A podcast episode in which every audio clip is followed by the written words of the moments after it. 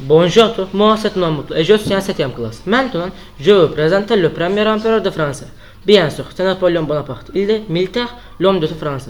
Mais Napoléon n'est pas que militaire, il réfléchit aussi à la façon de gérer une tête. C'est un homme politique ambitieux. Il est né en Corse à Ajaccio. À l'âge de 9 ans, Napoléon a envoyé sur le continent avec son frère Joseph pour faire leurs études dans des écoles destinées aux enfants, enfants de la noblesse. En juillet 1789, c'est le début de la Révolution française. Napoléon a 19 ans. Il ne participe pas à la Révolution. À 24 ans, il devient général commandant de l'armée d'Italie. Il remporte plusieurs victoires.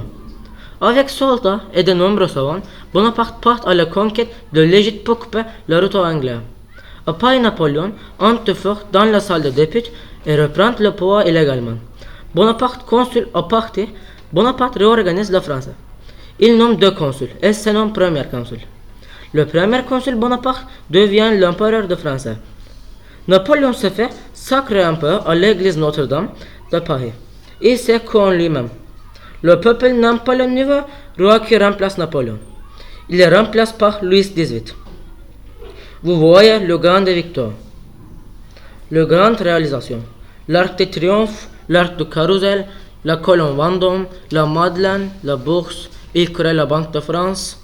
L'armée de Napoléon perd pour la dernière fois de contre les Anglais et les Prussiens, et il se fait emprisonner par les Anglais. Napoléon meurt du cancer. Le tombeau est construit sous le dôme des Invalides à Paris.